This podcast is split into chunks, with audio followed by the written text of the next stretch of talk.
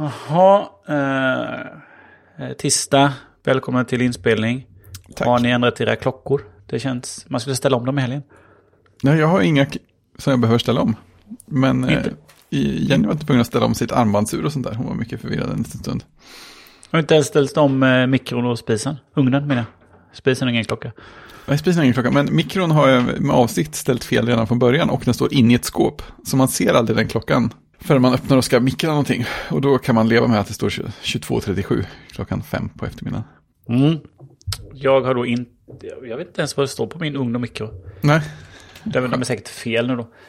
Eh, däremot eh, telefon, eh, klockor, dator och bil ändrar sig själv. Och bilen också. bra också. Mm. Jag var, jag, var tvungen, jag var tvungen att ställa om min bil alldeles själv. Och, och min Amiga faktiskt. Alla, allt annat har skött sig. Jo, och eh, eh, de analoga klockorna på väggen vi har i lägenheten måste man ju förstås ändra. Ja, det har jag också. En analog klocka, den har vi också vridit på. Eh, fick, har ni fått några... jag tänkte säga några men. Har ni varit trötta? Vissa blir väldigt trötta efter det. Jag, jag blev helt överraskad. Jag, jag insåg att det var tidsomställning när jag vaknade på morgonen. Och det var nog bästa varianten för mig tror jag. Och sen var jag redan eh, astrött från slutet av veckan innan. Så att jag, jag har bara blivit piggare sen dess. Men det var för att jag hade en, väldigt låg nivå på lördag kväll. Uff. Förlåt, jag gjorde en Victor-blandning. Det blev lite så. Bara G. Eh, jag, jag var helt förstörd efter den här tidsomställningen. Jag var fortfarande lite så småtrött. Jag vet inte varför. Men helt, helt slut var jag. Nej, jag har inte märkt något. Eh, Men jag gick ju i sig från... Eh, jag gick ju från eh, covid-sjuk till, eh, till frisk. En, gång, en gång till. Ja, ja men eh, covid ska man väl ha. Ett par gånger innan man dör. Ja, men, men måste alla gånger vara inom ett och samma år? Ja, Oj, men... nu, nu har det hänt, jag, får jag visa bara, det har hänt någonting jätteroligt i skypen för Fredriks kamerabild. Spännande. Nej, det syns, det syns, vänta, ska jag ta en bild med telefonkameran? Det är picture in picture på dig. Det ser jätteroligt ut. Det syns inte om man tar en skärmdump dock. Det syns bara eh, där, vi ska få se. Spänningen är på topp. Vänta, nu måste jag ha någon slags... Fum. Ja. Men den är Ja. ju den lilla. Ja, jag så nu. Ja, det, där, ja, den hamnade ovanpå. Nu ser jag. Det är jätteroligt. Den, den var så perfekt. Ja, perfekt positionerad. Christian, du är liksom vår Microsoft-expert här känner jag. Du kan Teams, du kan liksom Skype. Mm. Det är den där lilla irriterande floten som kommer upp när man, eh, Mm. när man lämnar Skype. Jo, tillbaka till covid. Eh, nej, men det var dottern fick eh, feber eh, förra lördagen. Då, då. Så att eh, hon hade 39,5 lite mer. Och sen så på söndagen så kom det till mig. Så vi låg sjuka. Förra veckan. Så att um, hon hade ju då ett positivt självtest, tror jag det heter. När Ja, hon just var det. hemma och en sån här sn- snabbtest. Svar på 15 minuter. Och det var ju positivt och då var det inte så konstigt att veta att jag också hade det, tänker jag. Även om jag inte gjorde något test själv. Nej, det känns som en säker gissning. Känns som en väldigt säker gissning. Så, men febern var ju inte så hög denna gången. Jag hade ju 39 och 5, 6 förra året. Denna gången hade jag ju bara 38 och 3. Det var ju ingenting. I fem dagar. Förra gången var det ju 17 dagar. Så att, Ja, eh, nej, det är walk in the park. Lite tidsomställning, ingenting mot det. Nej då. Så att jag tänker till hösten kanske det är dags igen. Eller till nästa, nästa vår. Det kanske, är- jag kan få dem på våren. Till nästa helg. Ja, nej, det hoppas vi inte. Nej, usch. Eh, apropå saker som eh, hälsar på igen. Det har varit snö här idag. Ja, här Ja. Jättekonstigt. Jättemärkligt, ja. Det stod inte ens med i väderleksrapporten. Det stod bara att det skulle komma någon slags nederbörd, men inte att det skulle vara snö, så att det faktiskt märktes. Nej, vi har haft, vi har haft så här yvigt snöfall några gånger, men ingenting som har liksom fastnat på marken, utan det har bara försvunnit. Men det är, jag tror det var typ så här 5-6 minusgrader här nu. Det var väldigt, väldigt oväntat. Mm. Eller är ändå inte det aprilväder, fast vi fortfarande är i mars. Så att, Mm. Ja, det, och det är ju en eh, halv månad kvar tills eh, eh, de som kör dubbdäck ska ta av dem om det inte är vinterväglag. Just det. Min, do, min dotter har satt på sina sommardäck idag. På, på sin bil. Jag, jag sa att det kanske var lite tidigt, men nej. De är snyggare. Ja, så är det. Det är min också. Ja, jo. Man längtar ju lite när det varit sådär 13 grader. Jag förstår. Mm. Nu kom bakslaget dock. Hård omställning. Ja, vad var vi med och eh, värma upp med här till GT? Jo, eh, Studio Display. Det har ju kommit en mängd recensioner. Alla har ju fått släppa sina recensioner nu. Eh, jag tycker ju de var det mest spännande. Vad tycker de om eh, Apples nya skärm? Och eh, eh, vad kan man säga? Kameran var skit. Sa alla. ja, Och, och sen, fick, sen fick alla uppdatera sig för att alla hade varit i kontakt med Apples pressavdelning som sen hade svarat att nej men det är mjukvarumässigt. Så att det är den här äh, A13-processorn där, den iOS som Ja. rullas in i skärmen. Ja, iOS, hela iOS och inget annat än iOS. Ja, och det är så konstigt då. Där sitter då, i skärmen sitter samma kamera, 12 megapixels wide, som sitter i iPad. Eh, Air bland annat då. Eh, den sitter där, men levererar skit på skärmen, men levererar perfekt på iPad. Ja. Jag såg Grub hade ju tagit eh, några exempel från sin ganska soliga arbetsplats. Mm. Eh, Så att, eh, kommer det komma då när, när det kommer iOS 14. Punkt, vad det nu blir då. Eh, Jag vet inte vad vi har nu, 14.4.1 eller något sånt här bara. Uppdatering till Studio Display. ja, men precis. Förbättra kameran i Studio Display. Undrar vad det det, nej, det var någon, någon skrev någonstans om det, va? Det- att var firmware-uppdateringen för skärmen dök upp va? För de hade integrerat det på något ställe. Har för mig.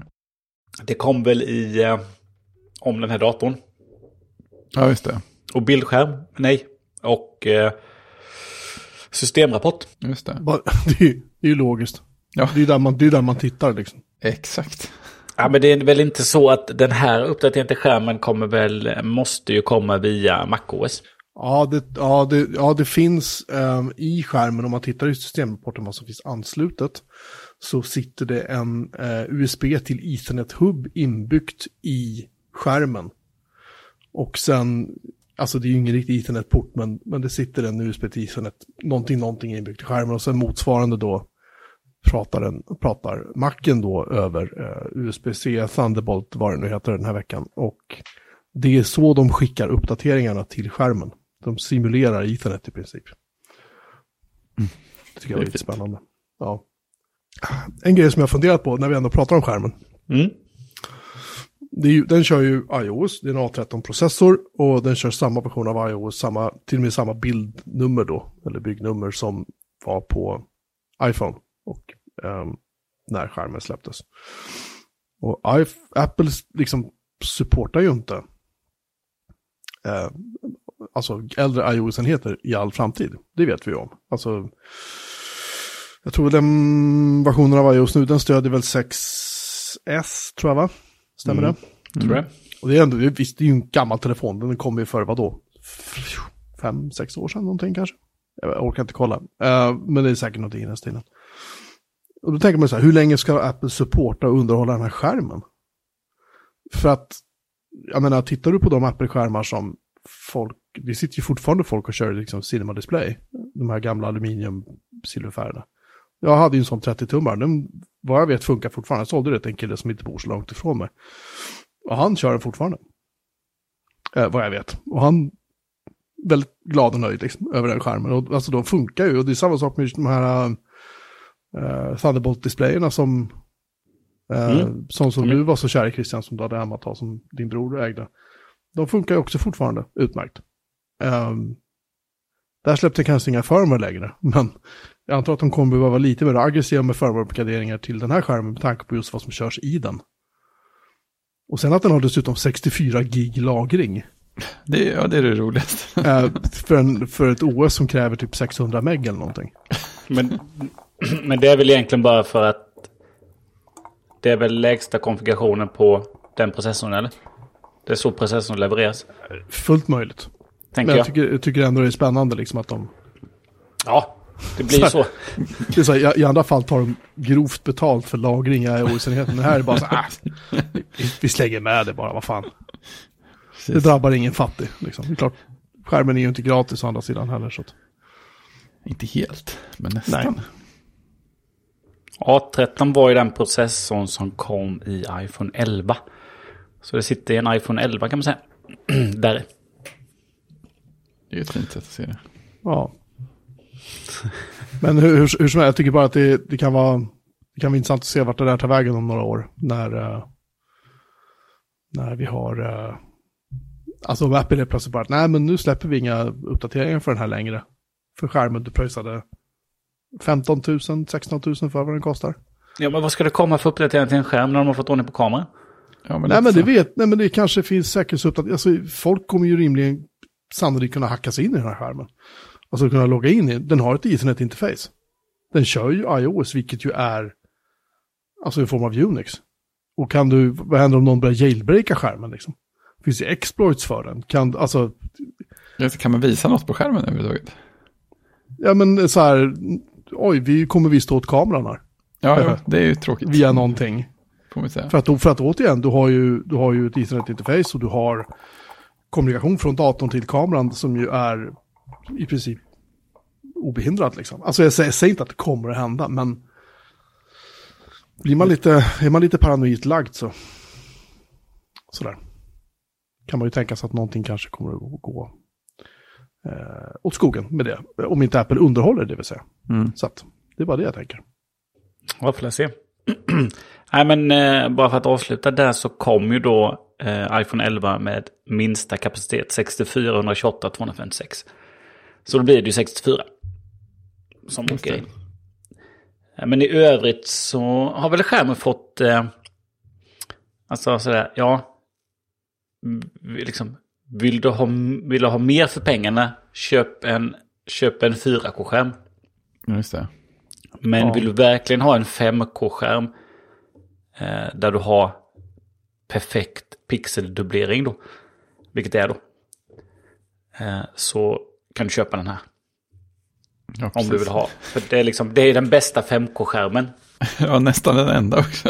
Ja, det är ju den och LG'n. Så att... ehm, så det är väl den jag rekommenderar, men i övrigt eh, är du inte intresserad av att ha Apple-utseendet och eh, 5K eh, perfekt pixelförstoring där så köp en 4K istället. du kan köpa två, Ja, precis. Ungefär så. Det är så det ser ut här. Och sen var det väl, tycker jag det var lite... De kunde ju haft ett stativ bara. Ja, det, det vi kan väl säga det andra stativet kunde man haft bara. Ja, de är tillbaka med de här hjulen till... Som var till Mac Pro. oh, tänk om man hade sålt hjul till den här. Ja. Eller en liten skateboard kanske. Man kunde åka runt på. Han MKBHD, han, han kom ju till slutsatsen att den här skärmen är inte prisvärd. Ehm, Om du inte vill ha en Apple-skärm, för då är det... Då är det nej, nej, exakt. Om du inte vill ha en Apple-skärm och det ska vara smidigt och enkelt och lalala. Nej, absolut. Då är den kanske prisvärd. Men eh, inte liksom, inte om man tittar till de tekniska egenskaperna den har, trots allt. Nej, och det var väl säkert därför Apple också... För det är många som har pratat att den saknar... eh, Vad heter det? HDR, vad heter det då? Ja, men det vet jag inte överhuvudtaget om det finns på 5K-skärmar så det kanske... Det är väl liksom därför. Eh, men jag känner som att Apple valde 5K för att särskilja sig. Vi ska göra den bästa 5K-skärmen. Eh, för att liksom... Ja, men vi flyttar upp det ett steg. Vi gör inte 4K, vi gör 5K. Och eh, sen så kostar den mer. Det, man för det är ju egentligen iMac. Det är ju som den skärmen jag har på min iMac. Som är, min är från 2014. Den har lite, det var var den 100 nits ljusstarkare då. Men liksom egentligen så är det ju den skärmen. Som de har, eh, som de har paketerat om. Satt i en eh, annan kamera och en iOS-processor. Så det är ju, det är ju iMac-skärmen egentligen. Det har inte hänt någonting på skärmutveckling sen den. Ett snyggare nej, skal. alltså, det, det är ju, de har ju i princip tagit en gammal skärmpanel, en gammal eh, iPad eller iPhone eller vad det nu är de har stoppat i, iPad antar jag, och de har tagit liksom, alltså gammal, gammal teknik och stoppat in i ett väldigt läckert skal med en kamera som ja, säkert blir bra en vacker dag när mjukvaran är fixad. Och sen så, och sen så, ja, packar de in det i ett jävligt snyggt hölje och säljer det dyrt. Liksom. Det, är ju, det, är ju, det är ju Apple i ett nötskal. Liksom. Jag tänker det finns väl inga bättre paneler heller eller? Men det gör väl inte riktigt det? Det är väl det som är, inte den storleken. Nej. Så att eh, det är Nej, jag liksom- vet inte, jag, har inte kollat på det, men det, det enda jag vet är att, att liksom, om det fanns ett, ett behov för att göra bättre paneler, då hade det gjort, det kanske hade varit så att den hade blivit mycket, mycket dyrare då. Det ska jag inte säga någonting om. Nej men precis, det blir väl, eh, det blir ju, vad heter det? Mikroled eller något då, antar jag. Ja, eller vad det heter. Men jag, kan inte tillräckligt mycket om skärmar för att uttala mig egentligen. Jag, jag, bara, jag bara känner så här att, alltså, hade, den kostat 10 000, Mm. då hade det varit så här, då, då, hade, då hade jag nog fått sitta på händerna och inte göra något höftköp överhuvudtaget. Liksom. Det, det hade varit jobbigt. Även om jag, återigen, jättenöjd med den skärm jag har, men den hade varit svår att säga nej till. Liksom. Ja men så är det ju. Men alltså de pengarna som är nu och, och liksom, jag vet inte, det känns, det känns bara som att ja, den är snyggt integrerad och det är liksom snyggt byggt och det kommer säkert vara en jättetrevlig skärm liksom. Men, eh, alltså prisvärd är den inte. Den, den, den är säkert trevlig för de som har Mac och tycker att det är smidigt att bara ha en kabel, absolut. Men den prisvärd, om man tittar bara på de tekniska egenskaperna, det är den inte. Det tycker inte jag i alla fall. Nej, det enda man kan jämföra med egentligen är ju LG-skärmen. Ja, Ja, och den har ju typ samma panel liksom. Ja, som- det är samma den panel. här. Ja, den är lite, lite, ja. Men där är ju, en- ja, plast och elände va? Eller hur? Jag har aldrig sett en sån i verkligheten. nej jag tror inte jag har sett den heller. Men, eh, Har du sett den Christian? Jag har ju inte sett eh, deras Ultrafine i, eh, Fine. i verkliga livet. Jag vet inte om den har sålt så mycket här i Sverige förresten. Jag vet, Apple så sålde den förut va? Ja, men det fanns ju Apple Store ett tag i alla fall. Men jag vet inte om Ja. jag såg den i en butik. Nej, de drog ju in den nu när de hade sin egen. Men vad ligger den på? Den ligger på 14 000. mm, 13-14 000. Dustin Ja. Holmes säljer den fortfarande. Så att intalar man sig att, att man vill köpa den så känns det som att studiodisplayen plötsligt är riktigt eh, prisvärd. Det är så här, jag får ändå något annat för pengarna än.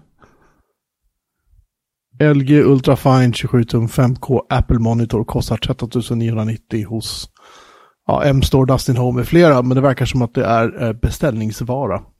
Ja. det, finns inte, det finns inte lager. M-Store har den inte i någon butik i hela Sverige. Nej. På ta- tal om att finnas i lager så lyssnade jag på eh, veckans upgrade eh, idag för att poddlistan tog slut.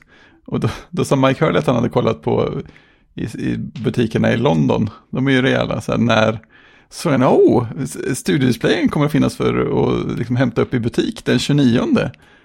Jaha, 29 juni, okej. lite, lite, lite väntetid på det. Um, 24-tummaren Ultrafine, det är ju en 4K då, den kostar 7299 hos Dustin Home. Den finns 14 stycken kvar i lager. Ja, Men 5K-modellen är slutsåld överallt, så jag antar att den är borta. Den kanske inte tillverkas längre. Nej, men jag tror det är ganska sällan den 5K-modellen har funnits i lager någonstans. För jag har ändå fått ryck några gånger alltså, och gått in och kollat så här, men vad kostar den då? och så är det mer så här, ja den kostar jättemycket och så finns den inte. Nej. Nej, men att titta på det, alltså det är så här, ja det är ju en tråkig svart plastskärm, men så jävla ful är den inte tycker jag inte.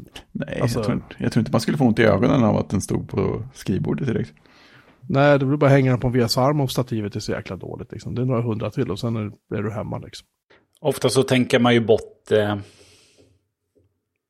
eh, tänker man ju bort det ändå. Men eh, såklart, Apple säger någonting annat. Men det är kul att... Eh, det är kul ändå att de har, liksom, gör skärmar igen. Men det är ju inte för hemmavändare. Men eh, otroligt pinsamt att inte kunna, inte kunna leverera en kamera. Nej. Bara var de helt glömt att testa det. Ja, men det var väl någon som an- antydde att det, att det var någon väldigt sen justering som hade fått det uppstå. Så att folk som, folk som hade testat hade inte haft problemet och sen så folk som satt på Apple nu hade en, ett senare bygge så hade inte heller hade problemet. Så att, det var någon sån. Men det är också så här, kanske var in, in och fingra på kameramjukvaran sista veckan, det är kanske ingen bra idé det heller. Så alla recensionsex som gick ut Vi blir häftade med fel. Ja, Bra.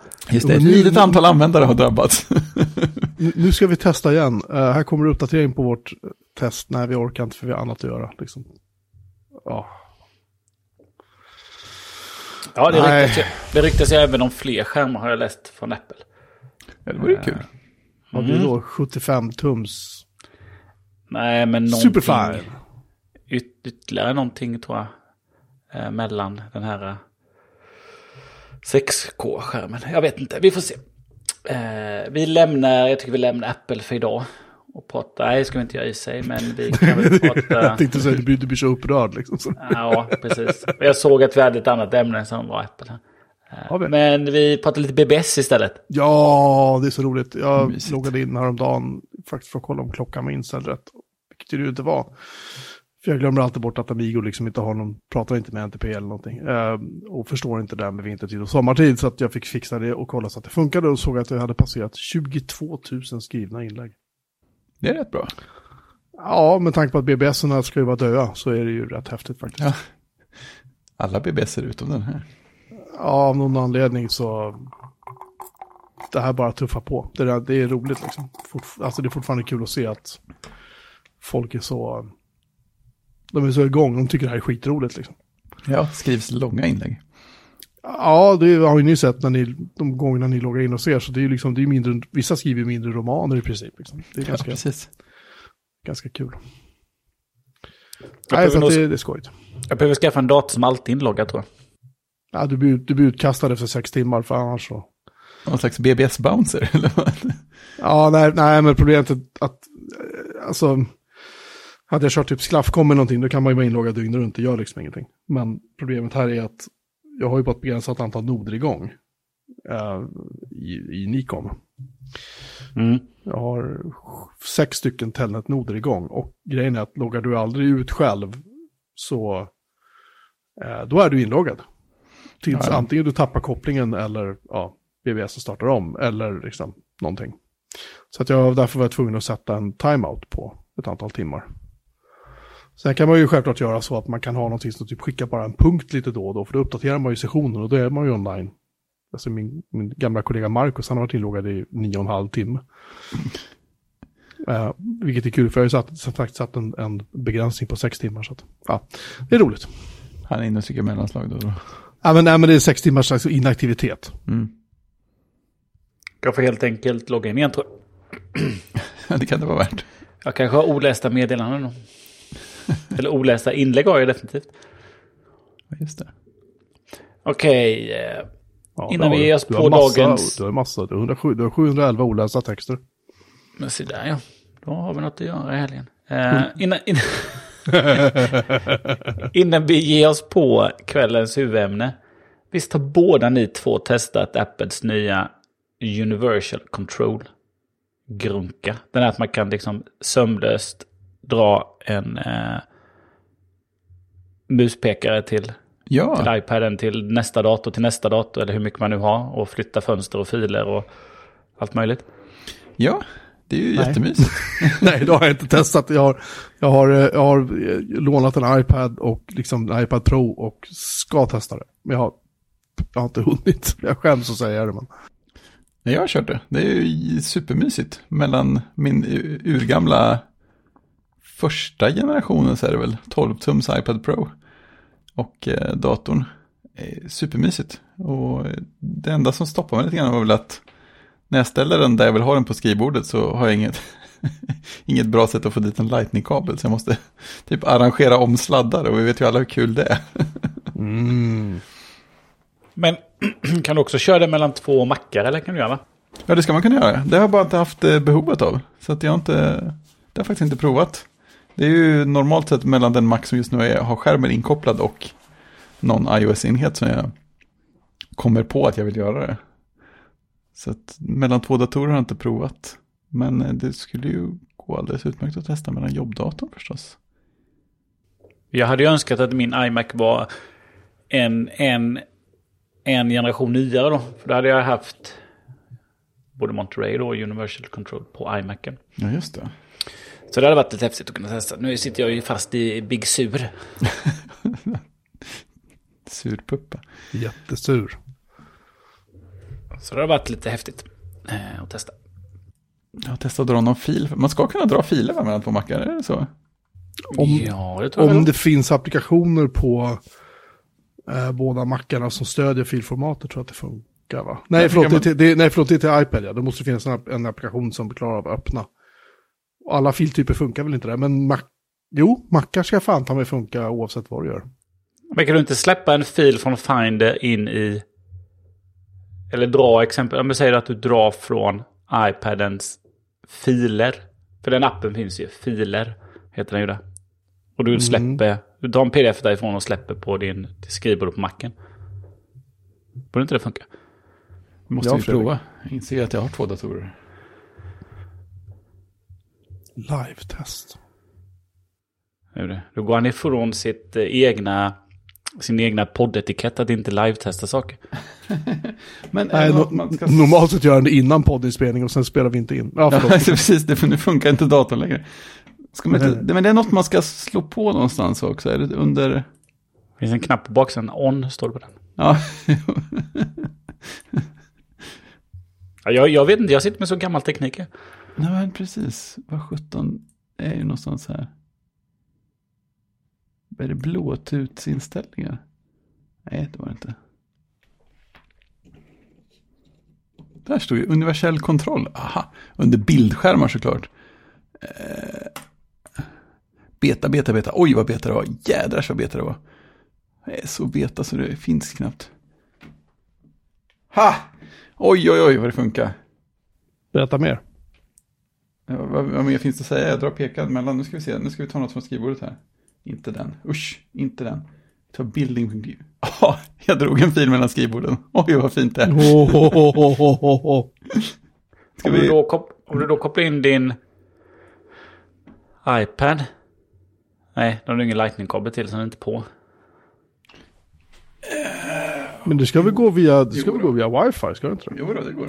Ja, men jag tänker att den inte var laddad. Jo, den är. Den är laddad. Ja, Så då kan, kan du dra en fil från och släppa i filer. Var är min? Eh. Eh, där kom den. Ha. Jag får ont i nacken, det är för långt mellan skärmarna. Eh, nu ska vi se. Ställer den. Mycket möblering. Eh, du säger att jag ska dra en fil och släppa i filer, det är ju spännande. Vilken, skärm, vilken dator är min pekare på? Där. Där har vi Ilandsproblem.nu.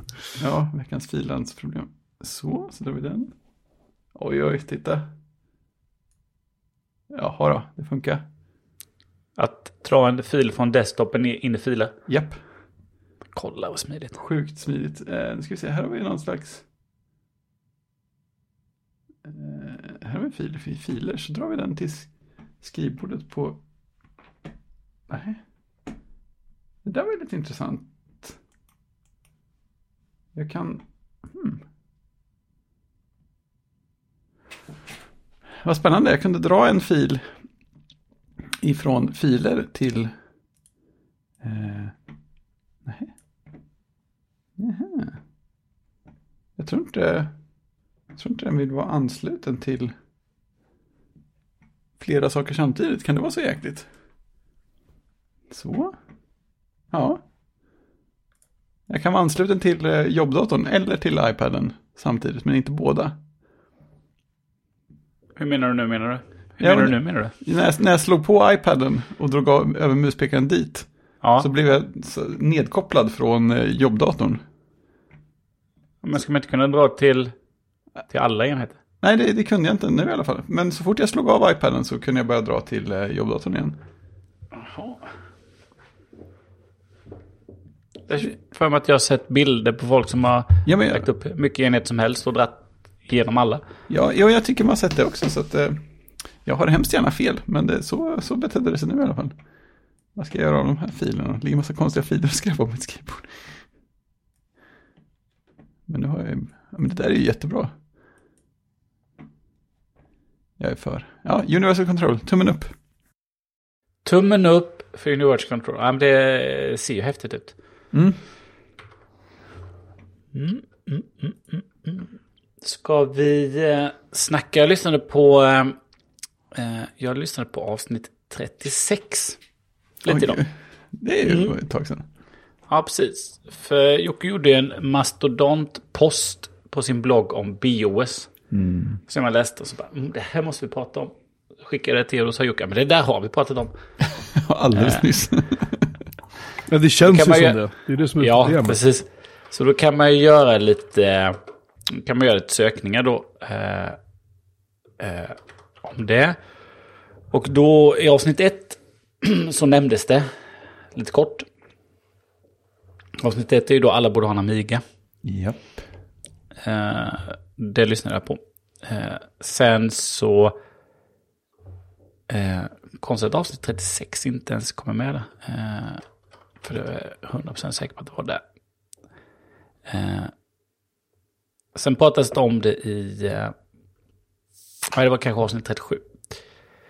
Eh, sen var det avsnitt 35, BIOS för det. Och sen avsnitt 30... ja, precis. Jag kommer inte ens ihåg vad det avsnittet handlar om. Som avsnitt blir det WebOS, mobiloperativsystemens svar på BIOS. Just det. Eh, och då blir avsnittsnamnet BIOS för mobiler. Men avsnitt 37 eh, tror jag det var. Det, de är lite sådär eh, avsnittsinfon på viss info. Men eh, sedan snackar vi lite mer om Jockes Macbook Pro och dess dockningsstation innan vi går in på kvällens huvud, huvudämne BOS, BOS, historia, fina finesser och stora mängder mjukvara att ladda ner. Ja, Ja, Eh, så kan man kan säga eh, 2016 07 12 var senast. Eh, det pratades om BOS i, i eh, podden. så att jag, jag kan väl tycka då att avsnitt 301 2022 då kan man väl få repressera. faktiskt. Jag kan köpa det. Ja, så att eh, jag tycker väl nästan det är okej att vi eh, att vi snackar BOS. Vi kan- Kanske, då, kanske då med underrubriken revolutionen som kom av sig. Ja, det ja det, det roliga är att jag hittade den där texten eh, i liksom min samling över texter jag skrivit som jag liksom glömt bort. Och det visar att den här texten har ju varit publicerad eh, på Mac Pro, Teknikveckan, eh, 99 Mac tror jag vi la upp den på. Så att det här, det här är inte en ny text. Jag, jag, jag hade fått för mig att jaha, oj, den här har jag inte lagt upp på min blogg. Och sen började jag googla den, bara rubriker, och tänkte så här, det här stämmer inte. Och då insåg jag ju sen att den här, är ju- den här, den är ju den här är ju inte ny på något sätt. Men det är ju fortfarande, jag hade glömt bort den. Så att jag läste igenom den själv och var så här, ja, ja, det var så det var. Så det var ganska kul. Men, um, Precis, och den publicerades på Teknikveckan 2011. ja. Och då hade, det var nog säkert, det var efter jag hade slutat på 99 Mac, tror jag. Det var någon här sorts, sorts hämndpostning jag gjorde. Uh, sen, Ganska konstruktivt ändå. Och innan dess så tror jag att jag hade skrivit den 2009 eller någonting. Jag kommer, jag kommer inte ihåg när jag skrev den. Det var Så är det- jättelänge sedan. Är det Teknikveckan som ska länkas till alltså i? Nej, du kan länka, det länka till min blogg, det- för det är samma text. Ja, ja. Tänkte det var, det var en, en länk som du såg som mer kanonisk än den andra. nej, alltså Det, Nej. är väl Mac, det är väl Mac Pro, det var där jag skrev den först liksom. Men den, är ju, den sajten mår ju inte så bra. Och jag har ingen kontroll över det, tyvärr, så jag kan inte, eller jag har ju sålt den så att den är inte min längre. Eh, Jag kan bara påpeka att det behöver fixas. Ehm, Jag kan också säga att den publicerades i Mac Pro Magazine september 2011. Så var det. Det kanske var ungefär då jag skrev den. Ja, jag kommer faktiskt inte ihåg. Hur som haver, nej men jag, jag skrev den för att jag har alltid älskat BOS. Mm. Det är så operativsystemet som aldrig fick bli gammalt eller vad man ska säga. Ehm, Om vi backar lite nu då till eh, sätta det lite... Eh, eh, för när, när, när kom detta operativsystemet? Vil- Vad är vi i åren nu då? eh, shit, vad fan var det? 95 va? Ja, Kom det. precis. Ja, nej, ja, var det det? Första releasen. Ja, det kan nog stämma. Ehm, precis. Tank, tank, tanken var alltså, Jean-Louis Gasset var ju, han var ju chef över hårdvaruutvecklingen på Apple. Mm. Och sen när, när eh, jag kommer inte ihåg om det var typ Newton, det var någonting som floppade i alla fall. Eh, Apple på Waterbury, det var lite allt möjligt som gick åt helskotta liksom för, för uh, Gasset och uh, Scully då, John Scully som var vd på den tiden, han som för övrigt rekryterades, eller som rekryterades av Steve Jobs. Han, eh, han eh, fick också då höra då att Scully var ute efter, eller att Gasset var ute efter Scullys jobb. Och, eh, och Scully var tydligen, hade tydligen blivit allt mer paranoid då på den tiden över liksom saker och ting. Så att han sparkade, sparkade Gasset. Um, och Gasset tyckte att det var ingen kul. Så att han startade då det här bolaget BE Incorporated ihop med Steve Saccoman som var med och utvecklade Newton uh, på order från Gasset. Och uh, Saccoman slutade i princip samtidigt som Gasset. Um, Men bara för att om vi bara tar en, bara stopp där så ja. släpptes MacOS 8 släpptes då 97. Ja. Så att det var liksom runt MacOS 8-tiden. Och System 7 hette väl versionen innan då, man är på Mac-sidan. Och den släpptes ju 91. Och sista versionen av 7 släpptes 97 då. Så någonstans ja. där System 7, MacOS 8. Jag vet inte vilken Windows-version körde man på den tiden. 1990 körde man nog... 1995? Ja, 95 då körde man Windows 95 förhoppningsvis. Ja, precis. Titta. Eller, eller Windows 3.11 om man var tvungen. Uh, det var ju typ juni-juli 1990 som, som Garcia fick sparken. Uh, och så i slutet på 1990 drog han igång då, BI Incorporated ihop med Sakoman Och sen så började de då titta på att bygga en ny datorplattform. Och det var man ju tvungen att göra. Det skulle ju alla göra på den tiden. Och det var ju, det de skulle konkurrera med då, det var ju Amiga. Som var riktigt het som en sorts multimediadator, framförallt framförallt typ tv-bolag och sånt i USA. Många, jättemånga använder det för att göra så här reklamfilmer, vet, textplattor och sånt på tv-sändningar, mixa lite, göra lite snygga övergångar och grejer. För Amiga var ju extremt prisvärd för det på den tiden. Och eh, så det var liksom konkurrenten, konkurrenten. Och då startade de det här bolaget och så började de självklart att bygga eh, sin prototyper på sin dator då som skulle heta B-box. Eller B-box. Och då byggde de det på eh, första prototyperna byggde de då på en processor som heter Hobbit från AT&T. Samma processor som satt i Newton för övrigt. Eh, och eh, problemet var ju bara då att när de, fram till juli 94 då så har de på byggde det där och sen så uh, får de reda på att AT&T de ska inte tillverka Hobbit-processorn mer. Nähä. Vad fan gör vi då då, tycker de? Och då uh, tittar de på 386, 486-processorn och då valde de då, uh, tada, PowerPC 603-processorn då.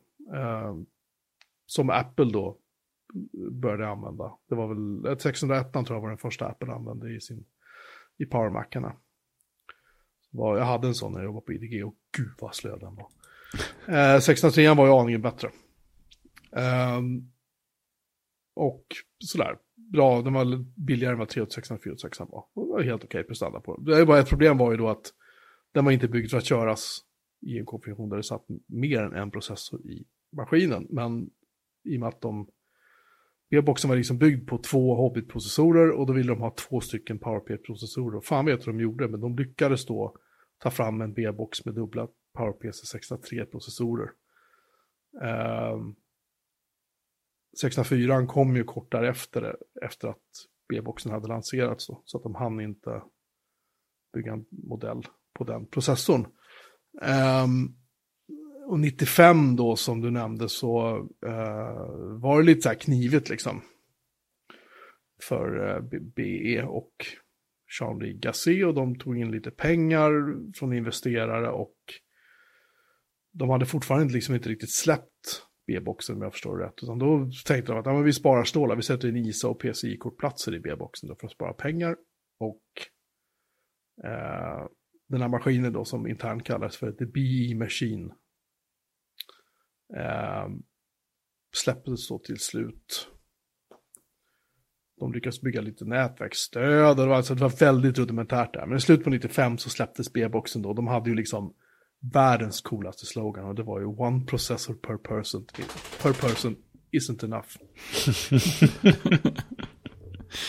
eh, och då, då var det, det var ju en bredsida ordentligt mot liksom Wintel, alltså Intel och Windows-imperiet och Macen då.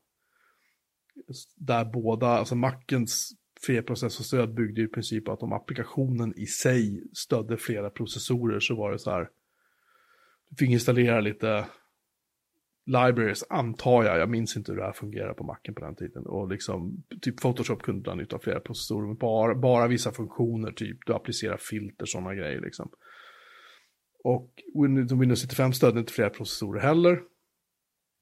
Windows NT4 stödde ju SMP som det kallas för, symmetriskt multiprocessor. Men det var jättemycket fulhack som krävdes för att det skulle funka. Uh, och så vidare och så vidare. Så att BE var jävligt tidigt ute redan där. Uh, för där var det helt transparent för applikationen. Om det fanns en eller flera CPU i. Det brydde den sig liksom inte om. Och det här då för er som är lite yngre lyssnarskaran kan säga att nu pratar vi inte processorkärnor, nu pratar vi fysiska processorer. För det var en kärna per processor på den tiden, punkt slut liksom. Rejäla um, grejer som syntes på, krets, på moderkortet. Ja, det tog plats. Jag menar, jag vet, ja. jag kommer ihåg Unisys hade en PC-server med åtta stycken fysiska processorer i. Och så skulle, de, köra en, skulle de köra en till fyra datacenter advanced någonting, någonting på den. Men problemet var att den åttonde processorn satt så långt ifrån bussen. Så att den fick nästan aldrig någonting att göra för att det gick så jäkla långsamt. Mm.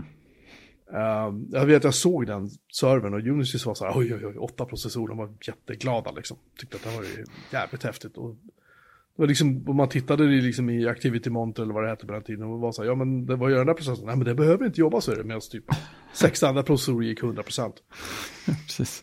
Hur som helst så, så uh, fick de visa upp den här B-boxen då uh, i någon sorts betaversion på en mässa som heter Agenda 95 och uh, efter att de hade gjort det då så började det ja, antalet investerare ökade ju rätt marginal, eller rätt, rätt dramatiskt kan jag säga just efter att de hade sett leveransen av den här maskinen då. Och de hann också leverera 100 maskiner innan slutet på december 95. 96 fick de in mer pengar och då kunde de återuppta tillverkningen av B-boxen sådär. Och eh, nu hade de också kontrakt med ett bolag som faktiskt tillverkar och paketerar maskinerna istället för att personalen på BE själva stod och monterade ihop maskinerna. um, det är skönt ändå. Ja. Hur som helst, samtidigt så hade de ju stöd för PowerPC-processorn och då tyckte de att ja, ja, men vi... Uh, alltså, försäljningen av B-boxen gick inget bra och de la ner den till slut. Det gick inget vidare. Och vad de då samtidigt kom på att ja, men vi kan erbjuda BOS för, för Macintosh. Så 97 la de ner B-boxen och precis innan dess då, december 96 tror jag det var, så köpte jag Apple Next. Och eh, fram tills dess så hade ju liksom, Apple var ju så här, ja men ni vill ha dokumentation på våra nya datorer, ja här, här har ni allt, det bara, pff, här, varsågoda liksom. Det var liksom, det var bara, allt var öppet liksom. Och eh, BE höll ju på, hade ju fram till köpet av Apples köp av Next då förhandlat med Apple om att Apple skulle köpa BE. Och att BOS skulle bli nästa operativsystemet för Macen. Därför hade de porterat eh, BOS till eh, Mac-plattformen för att visa att det är klart. Här, så, nu kör vi liksom. Eh, Gazé krävde 200 miljoner för bolaget och Apple var så här, ah, men du kan få 125.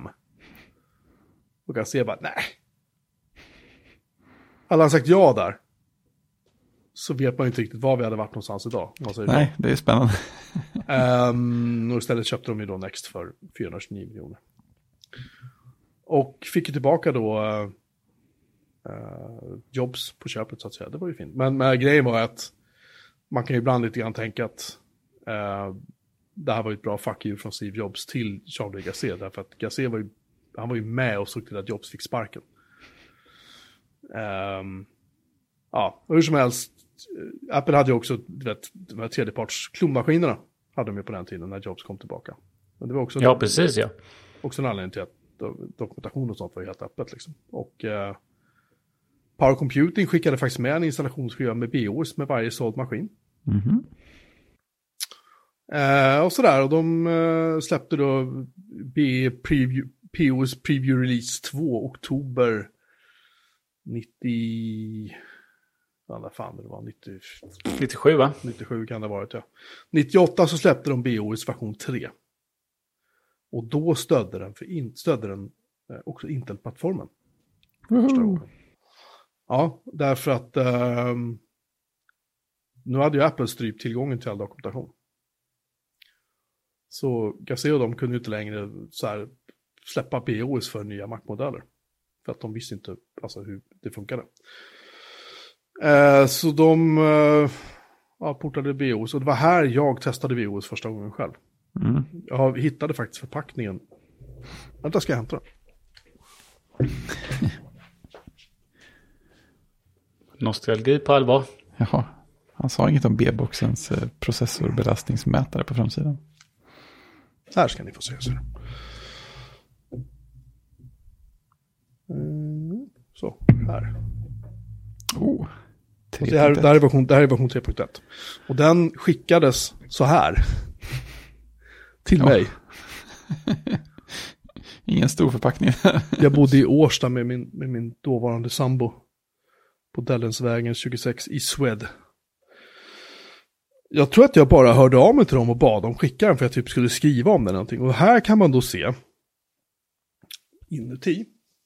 Det är svårt för er som lyssnar att se, men jag ska försöka förklara vad det är. Det är, en liten, det är ett fodral man viker upp och det är det då plats för två skivor och en liten manual i mitten. Och den ena skivan är då eh, BOS 3 då för Intel. Mhm. Den skivan har jag använt. Här är skivan jag aldrig har använt. BOS 3 för PowerPC. Mm. Den här var för mackarna. Så, ja, BOS 3.1 tror jag var den sista versionen för Mac. Så Om om jag inte man, missminner mig. så om man sätter den i en gammal powerbook, kommer man i teorin att kunna bota den då? Ja. Om den stöds. Ja, det gör den säkert inte om den är från 2000-talet. Nej, nej, det gör den inte. Det gör den inte, det måste vara, det måste vara modeller som fanns på den tiden. Ja, just det.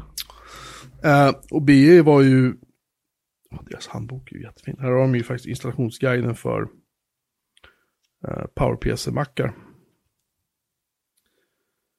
Installing the BOS, står det här. Oj.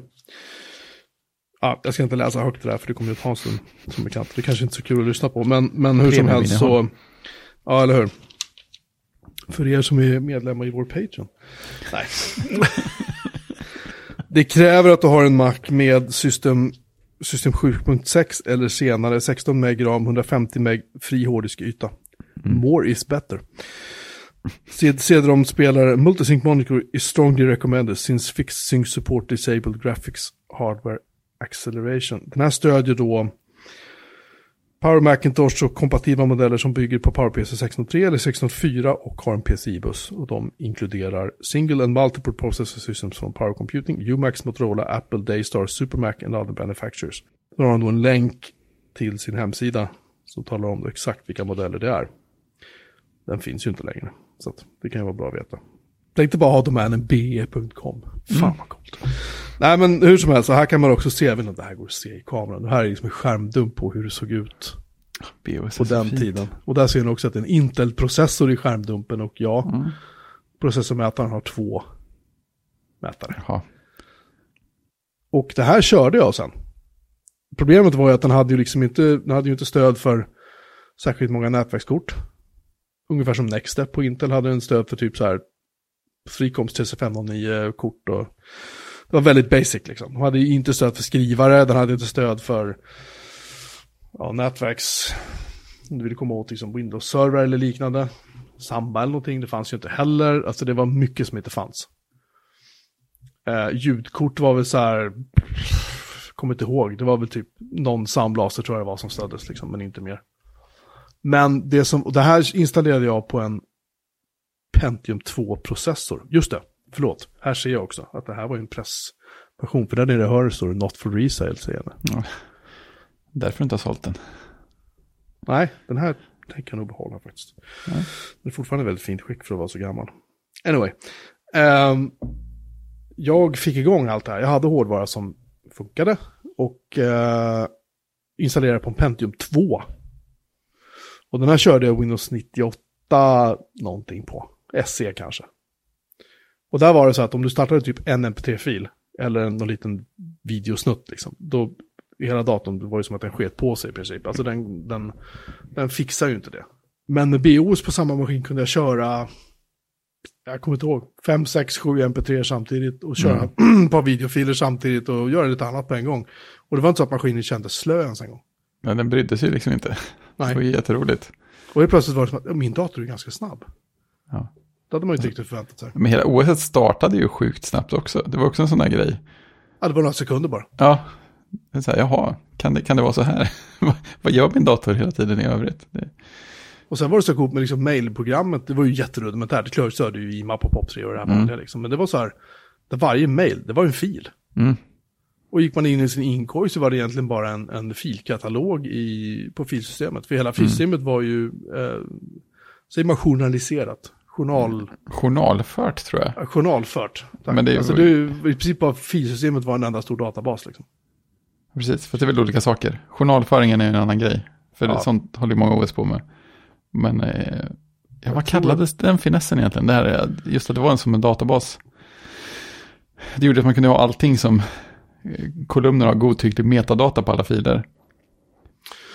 Ja, jag kommer ihåg att ehm, Scott Hacker, han heter faktiskt så. Mm, det är orättvist. Hans, ha, det är orättvist. Han, han skrev en bok som heter The BOS Bible som jag fortfarande har kvar. Mm. Och han körde en sajt som hette typ Beehive eller någonting som var just eh, tips och tricks för BOS-användare. Och han var liksom, han profilerade sig snabbt som liksom BOS-auktoriteten. Han ehm, skrev kolumner på webbsajter och tidningar och allting om BOS. För det här var ju, BOS var ju jävligt hett en period. Och eh, han drev den här Beehive, det kördes på en PC-dator på eh, BOS. Mm. Där alla webbsidor var, eh, och det här är ju som ett kul liksom callback eller callfront till, till dagens värld där vi sitter med ja, webbsajter byggda på Jekyll och sånt. Allting var ju statiska filer. Mm. Men grejen var att det gick ju så, vad du kunde göra var att du behövde alltså inte, om jag fattade rätt när han byggde sin sajt, så behövde du liksom inte tala om för webbservern liksom, där ligger filerna. Utan klienten bara kom och sa, jag vill ha den här filen. Mm. Och sen bara, det bara löste sig. Ingenting sånt här fanns ju. Eh, Jag vet att han också körde någon jättekonstig alfa-beta-version av någon webbserver som, jag tror att den heter Poorman. Jag tror att den Ja, det ingick låter i bekant. BOS. Den ingick i BOS, men den, han hade fått något extra hack på den där på den vänster. men det, och den var så här, den var så blixtrande snabb. Den här sajten. Med tanke på hur mycket, han hade ju skitmycket besök under en ganska lång period liksom. Ehm, nej men absolut, det var, det var, filsystemet var ju, det var ju före sin tid på alla fronter. De spöade ju allt. Liksom. Eh, jag ser att ni har ju lagt in en länk till Ars Technicas, eh, en väldigt teknisk artikel. Mm. Eh, om just eh, BEs filsystem. Den rekommenderar jag varmt att man ska läsa för den är skithäftig.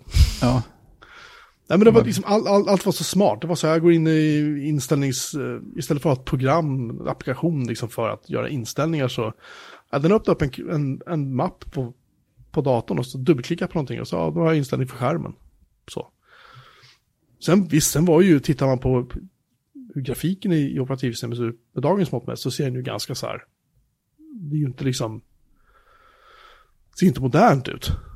Men, men det ser inte omodernt ut heller. Liksom. nej, man, man tänker det om man smäll, skulle smälla upp BOS på sin 4K-skärm. Så det skulle ju inte se gammalt ut på det sättet. Det skulle se ut som att det har sin egen stil, men det skulle nog inte se gammalt ut. Det skulle se pixligt ut, det skulle det garanterat göra. Nej, inte på 4K. det, är, ingen skalning där inte. Så att, Ja, det är sant. Nej, men ehm, hur som av, de släppte det BOS 3.1 var den första jag testade och sen så kom ju BOS 4 och sen kom BOS 4.5 i juni 99. Förlåt, den släppte faktiskt också för PowerPC-modellen. Det var den sista. För PowerPC. Uh, eh, jag tror just det, jag vet också att jag testade den på typ en 486 8 meg ram eller någonting och det var så här, det, det flög ju fram. Liksom. Ja, jag körde ju på en Pentium någonting, någonting. Det var ju mysigt. Nej, just det, förlåt. Det var en 486 jag körde på, det var inte en 286. Så var det, sorry. Ehm, eller en Pentium 2, förlåt. Jag tänker fel. Eller hur var det nu? Nej, det var fan med en Pentium 2 jag hade. Jag måste, alltså det var ju, det är ju över 20 år sedan där. Hur som helst, sen så de släppte BOS 4.5 och den var, den var bra. Liksom. Och sen släppte de då BOS 5. Och grejen att BOS såldes. Det var inte gratis.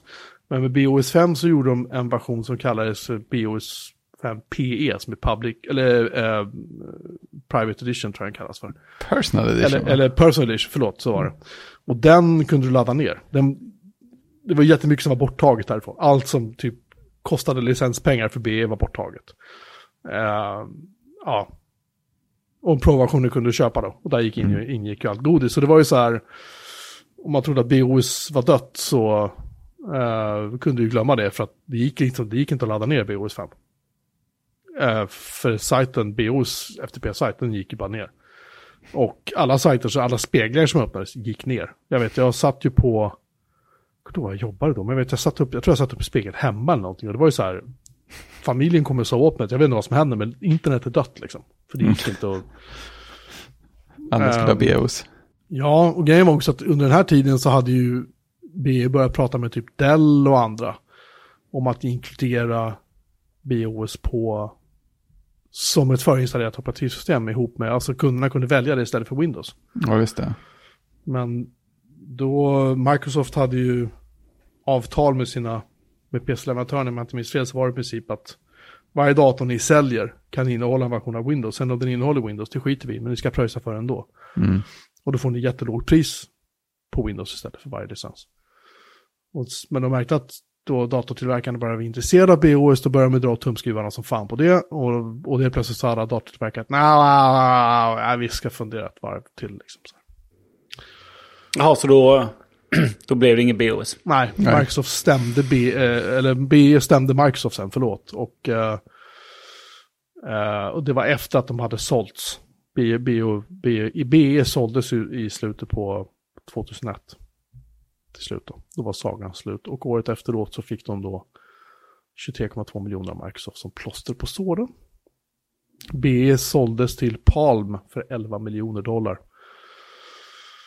Eh, men tyvärr var det, så- alltså det blir ju, även om jättemånga laddade hem BOS 5 och tyckte det var skithäftigt så var det så här, ja men var är applikationerna? Och det fanns applikationer att köpa, men problemet var att marknadsföringen var ju så, alltså det var ju så dominerat av Microsoft på den här tiden. Det fanns ju i princip inget annat. Och Linux var ju inte direkt en kraft att räkna med heller då, liksom, på skrivbordet. Uh, och Apple var ju Apple, det var ju fortfarande som en liten, så här, alltså det var, antingen hade du Mac eller också hade du inte Mac. Och hade du Mac så var du konstig liksom. Lite grann så. Precis, de går i konkurs när som helst. Ja, jo men det var det ju. Dagligen typ. Nej men så att de, de släppte då, jag kommer ihåg när de gjorde det här, nämligen att de släppte en, en eh, internetdator som hette E-villa. Från Ja, just det. ihop, ihop med Sony, de anpassade BOS för att det skulle funka på Sonys E-villa.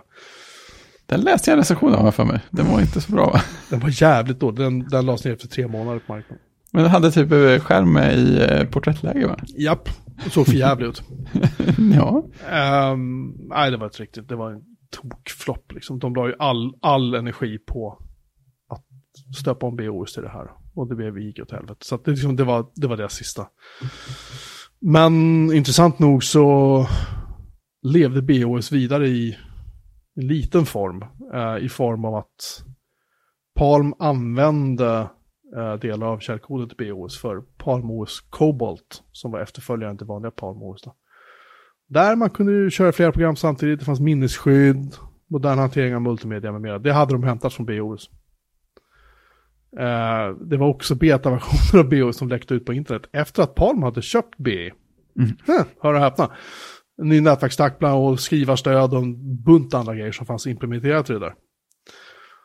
Eh, och det där är ganska roligt för att när jag jobbade på datamagasin så var jag på en mässa, jag var på Cebit så var det, då, då testade jag, eller träffade jag ett företag som heter Yellowtab. Och de var så här, ah, ja men BOS så här. Vi, det här är baserat på BOS 5.1. Och jag var så här, jaha. Spännande liksom. Ja men skicka ner, ja vi, vi, vi skickar upp så här en CD, absolut. Och de var jätteentusiastiska liksom. Men det var någonting som inte stämde, jag kände det redan där och då. Och sen ett halvår senare så kom den här sedeln då, som, det stod bara Zeta, Z-E-T-A med stora bokstäver då. Och de hade precis då tagit BOS, bytt ut loggan och eh, skrivit då Z tror jag det var, eller de stod Yellow Tab, jag kommer inte ihåg nu. Tagit lite drivrutiner för grafikkort och ljudkort från Linux och portat dem till BOS. Och sen byggde den också då på eh, stulen källkod av BOS 6 som aldrig släpptes. Och det var liksom en alfa-version. Så det var en jävla massa buggar och de tog, jag tror det kostade typ 800-900 spänn för det här Z. Och de var väldigt så här, jag vet jag frågade om det här liksom, ja men källkoden och hur har ni kommit överens med Palm om det här? De, de ville liksom aldrig riktigt prata om det. Konstigt nog.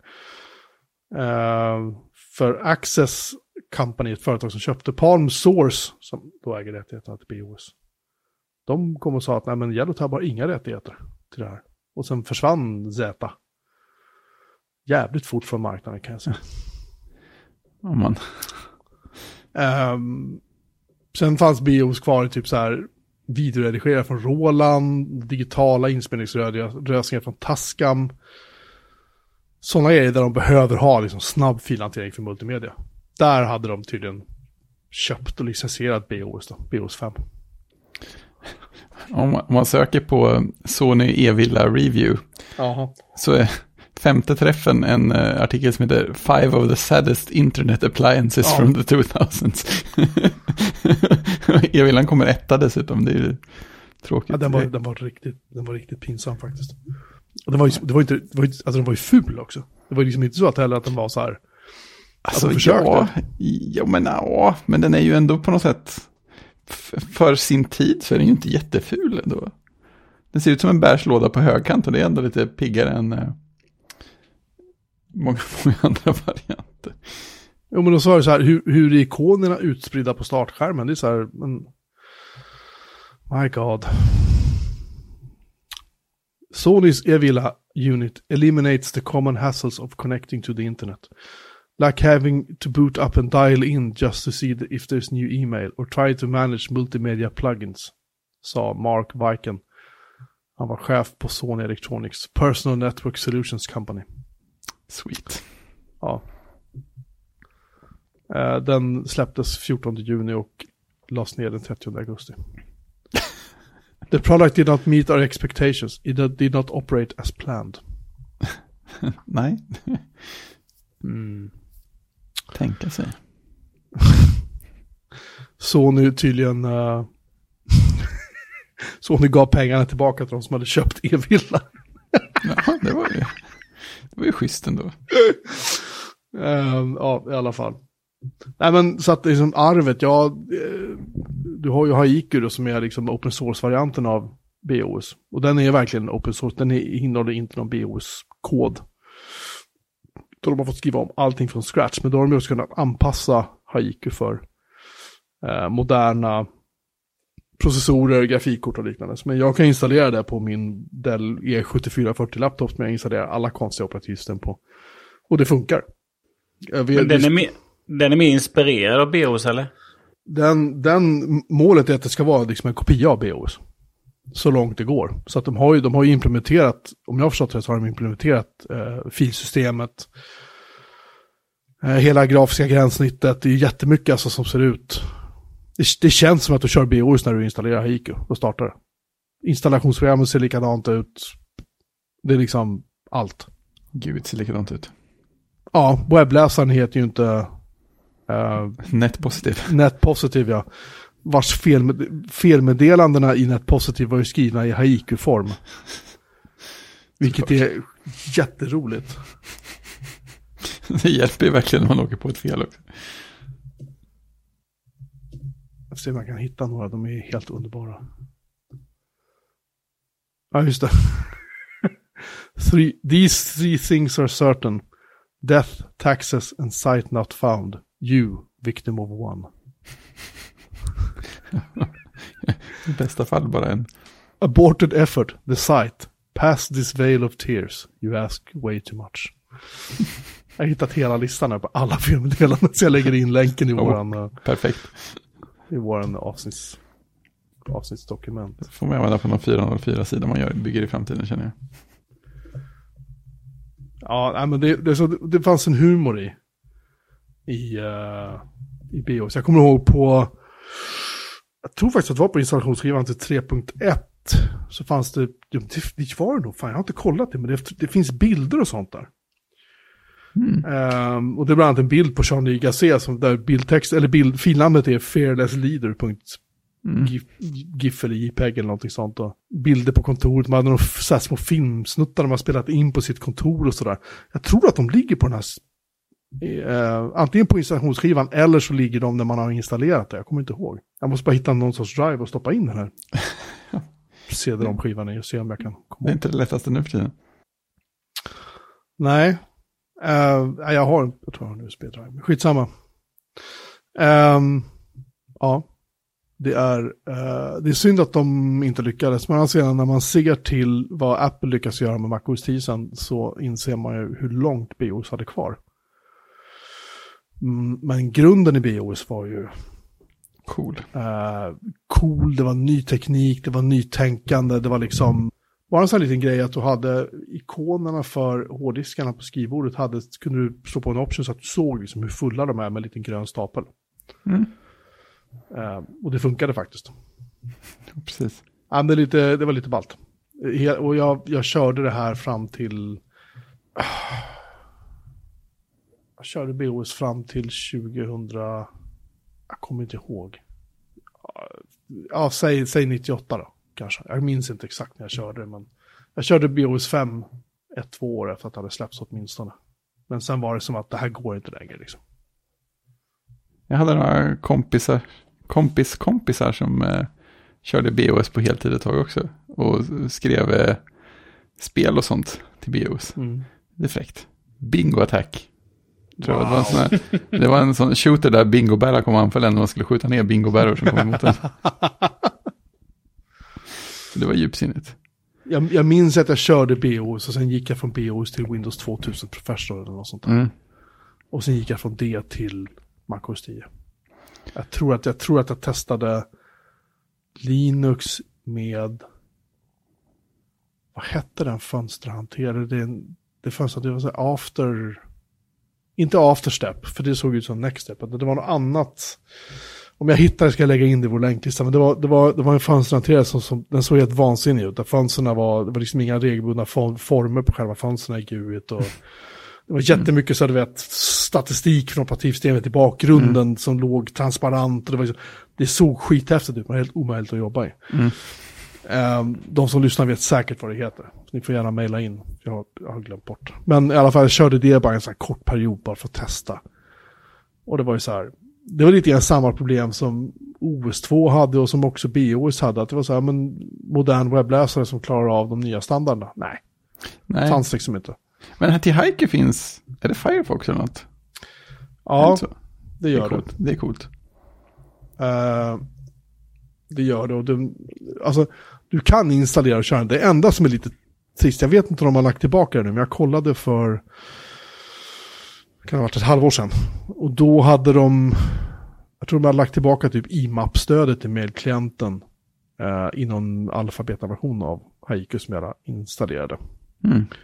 Eh, för de hade tagit bort det på grund av att det var någon bugg och sen var det ingen som fixade det. Och det är lite grann det som är problemet med Haiku. Att de har alltså hållit på med det här i... Från sen 2001. Ja, det är rätt länge. Det är jättelänge. Och eh, de ger sig inte. Och du kan alltså kompilera Haiku på Spark och på risk 64-bitars riskprocessorer. Också. Det är ändå häftigt. Och det roliga är att de är alltså uppe i, om du tittar på de mer officiella release som finns, så är det alltså R1 Beta 3 Mm. Nu, efter 21 år. Ja, det är ju helt otroligt. Man har, och grejen är att den imagen kan ju vara, eh, det kan ju, den kan ju vara släppt för ett år sedan, den kan vara släppt för två år sedan, det är liksom ingen som vet riktigt, utan det, det, det är gammalt. Mm. Därför ska man köra dailys hela tiden, och det är ju det är ju risken att de kanske inte eh, funkar att installera heller. Jag vet på min, på min Dell-laptop som jag har, där, där får man köra någon så här standard VESA-grafik för att få det att funka. Så varje gång jag ska bota upp det måste jag gå in i bootmanagern och kryssa i en grej. Mm. För det finns inga DVT för mitt grafikkort. Men bortsett från det funkar det klockrent. Mm. Eh, men som sagt, den stödjer inte wifi. Den, jag tror att den stödjer Ethernet-porten, men jag minns inte. Jag har för mig att den gör det. Just det, är man, gick, man gjorde inställningar så gick man och klickade på knappen Restart Networking har jag för mig. Ja, Ganska ofta. ja, precis. Det fick man göra, det har du rätt i. För att det där dog. Och det var ju det de ville fixa med eh, version 5. punkt någonting. Alltså de la in någonting som kallas för Bone. Som var då eh, BOS... Eh, Ja, det? Någon sån här open Någonting. network, networking environment eller något. Ja, vad fan hette den? Jag vet inte, jag hade det i min artikel. Där. Uh, BOS Network Environment. Bone. Mm.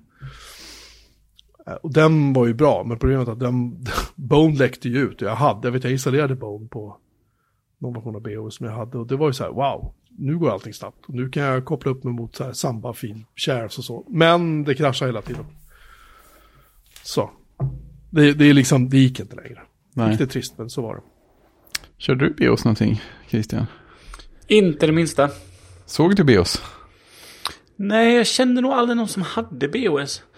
Jag tror inte det. Överhuvudtaget, jag hade en kompis som körde OS 2.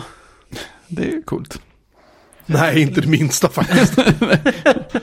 Jag hade en klasskompis på gymnasiet som plötsligt hade fått tag på en sån låda för OS2 Warp. Massor med skivor och då det, oj, kolla vad mycket saker som följer med. Kan man ha det till Mm. något? Det, det var ingen som uttalade sig om just då. Nej, det fanns inte i min närhet jag. Överhuvudtaget. Så därför det var det roligt att testa. Nu har man ju bara läst och tittat på liksom skärmdumpar och eh, allt sånt där. Men, aldrig, men aldrig kört. Men det är väl ganska lätt att få igång Haiku va? Du kan köra i, köra i VirtualBox om du har en, eh, jag vet inte, PC eller en, en Mac med Intel-processor. Jag vet inte riktigt hur... Ja, just det, hur jag, har, jag har inte en Mac med. nej, Damn jag, it. har, jag har ju faktiskt den står här till höger. Ja. Men jag har inte, um, jag har ju Windows 10 på den också. Men nej, du kan installera det i VirtualBox eller liknande. Eh, om man Nej, vill det. det, alltså det är ju spännande då. Eh, liksom, att historien kunde varit helt annorlunda då om Apple hade köpt, köpt BOS istället då. Jag tror, att, jag tror att om Apple hade gjort det, då hade vi inte suttit framför mackar idag.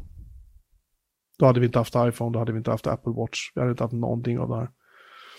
Eh, för det, dels, alltså den uppförsbacken som BOS hade för att bli mer komplett. Eh, sen ska du inte heller glömma bort att när de släppte MacOS 10 så var det så här, ja men alltså du har ju så här Carbon så du kan köra gamla OS 9-appar. Eh, det var ju så du kunde köra Photoshop, Microsoft Office med mera i början. Vilket var helt nödvändigt för att göra MacOS 10 till en legitim plattform liksom. Hade du kommit, Apple kommit och sagt, "Jo, men vi har en nya grej där som är så här, du vet, BOS, då hade de varit så här, ja. Vad ska vi göra med den, tänker ni? Liksom, ska vi skriva om hela Photoshop för det här? Glöm det liksom. Så att nej, de hade haft en enorm startsträcka. Jag tror att möjligen så hade de tagit tekniken som låg under BO så hade de bara smackat på det gamla eh, MacOS-interfacet. Eh, som det såg ut i OS 8.9. Eller Classic som vi kallar det för. Ja, precis. Ovanpå det. Lite grann som de gjorde med Rhapsody sen och med MacOS 10-servern, den första versionen. Version 1.0 som såg ut som MacOS 9 fast det var next step under. Mm.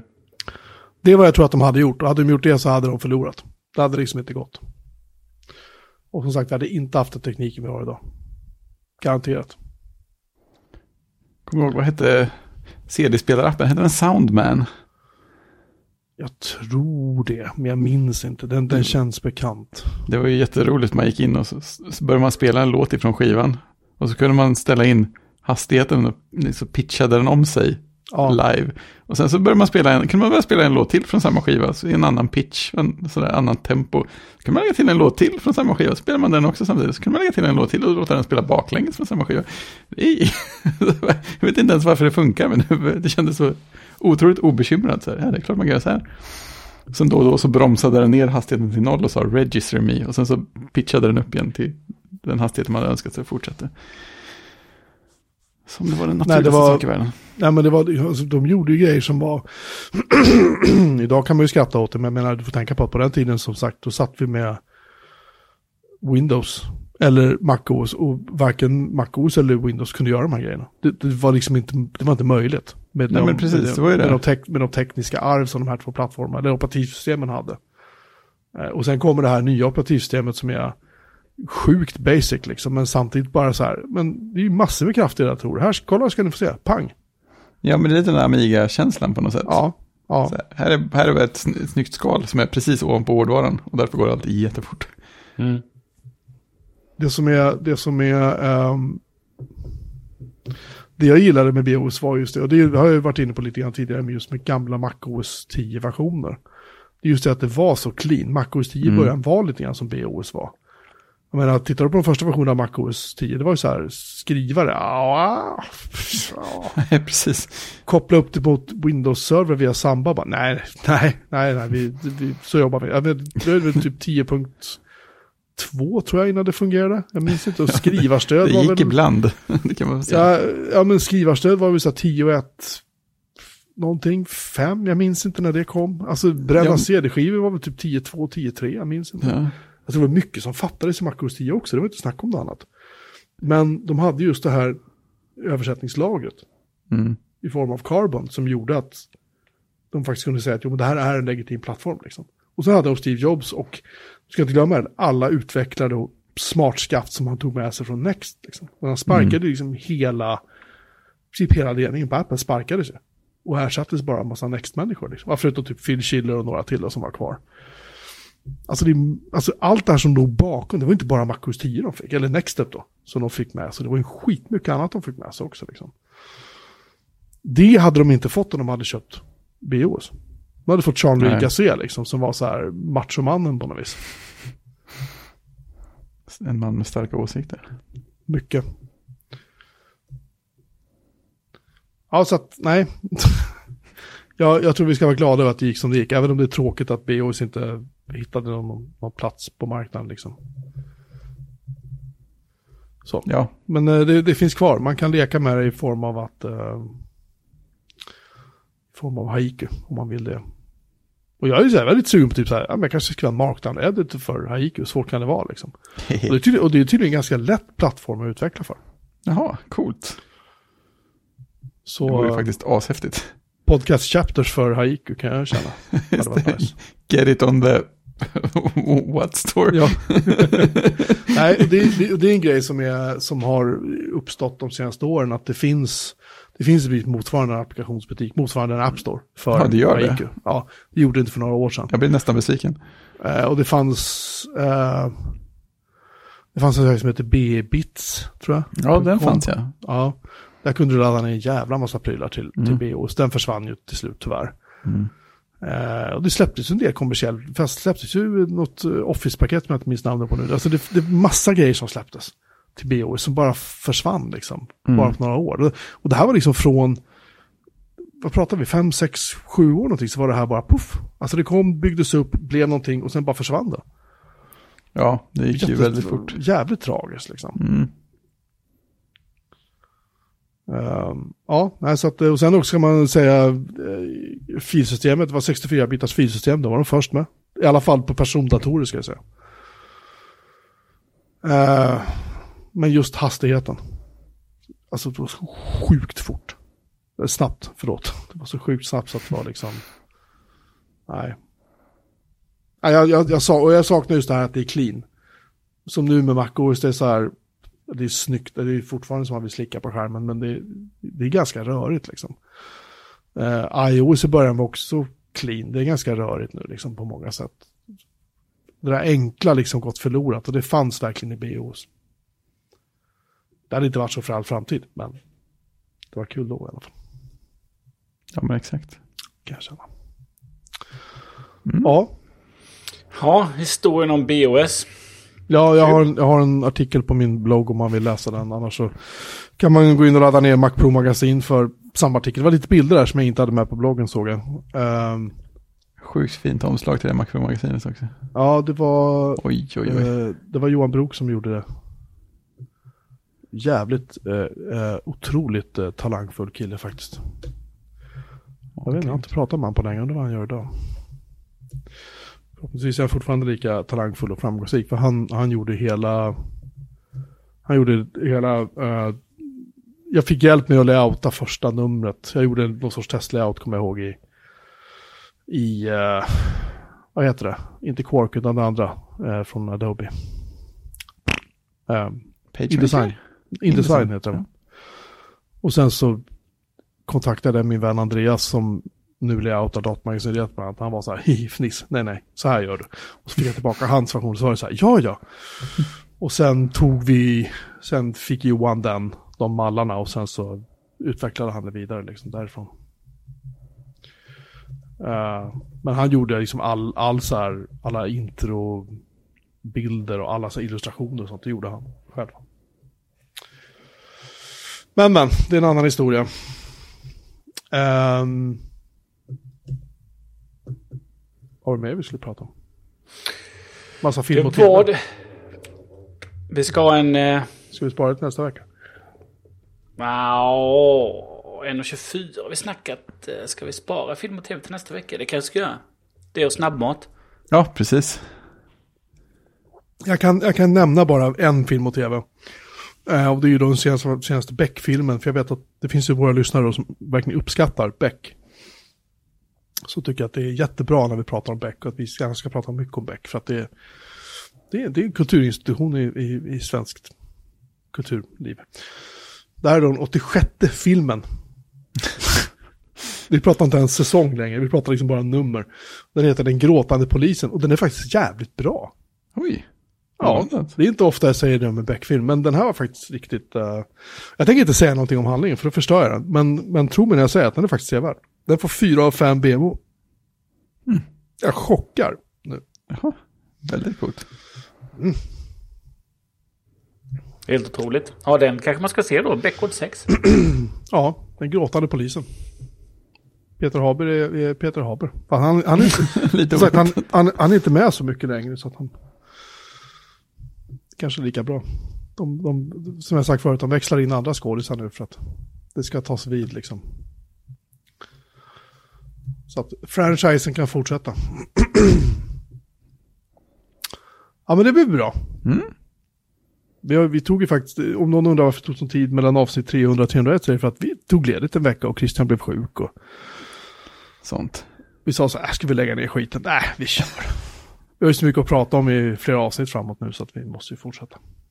Exakt. Vi kan väl säga att eh, när Beck lägger ner så kan vi fundera på att lägga ner. Exakt. Synodo det är DS 15 11 plus. Jag Scrollar i Macro-magasin. Oj, ja. Och Ja, jag, jag, har, där. jag, har Ja. läst igenom, jag har läst igenom en och annan av dem där ibland. Jag blir så här, uh, skrev jag det där? Alltså, så pass? Ja, vissa grejer kan jag fortfarande tycka håller, men det finns mycket där som är... Det är kul, produkttesterna är ganska ro, roliga just för att det finns mycket där som man tänker, fan det där har jag glömt bort liksom. Mm. Ehm, så det är lite, ja. Jag undrar varför oktobernumret av Macpro Magasin inte existerar på min blogg. Det måste jag kontrollera, för det ska finnas där. Ja, anyway. Ja, det är fint. Ja, ska man säga. Ja, just det. Ska vi göra ett outro? Eller klipper du bort det? Nej, jag klipper aldrig bort någonting. Kanske Eh, blir två outron den här gången, vem vet? Bonus-outro. Ja. Ehm, ja, det här var avsnitt nummer 301 och vi fortsätter åtminstone så länge det görs Beck-filmer. Nu vet ni det. Eh, vi tackar för uppmärksamheten och hoppas att ni lyssnar på oss igen om en vecka. Ehm, det var väl det då. Ja, Vill ni läsa mer om oss, om podden och om annat så kan ni gå in på bjuremanmelin.se. Där finns... Och förlåt. vill man lyssna ännu mer om BOS och avsnitt 37. just det. ja, just det. Bra grej. Um, där jag sannolikt och säger ungefär samma saker som jag sagt idag. Kanske med lite mer precision, för då mindes jag säkert mer än vad jag gjorde idag. Ti- Tiden är ju inte en, en vän för någon som försöker komma ihåg saker. Hur som haver. Eh, tills dess, ha det jättefint så hörs vi. Tjing! Tjing! Tjing!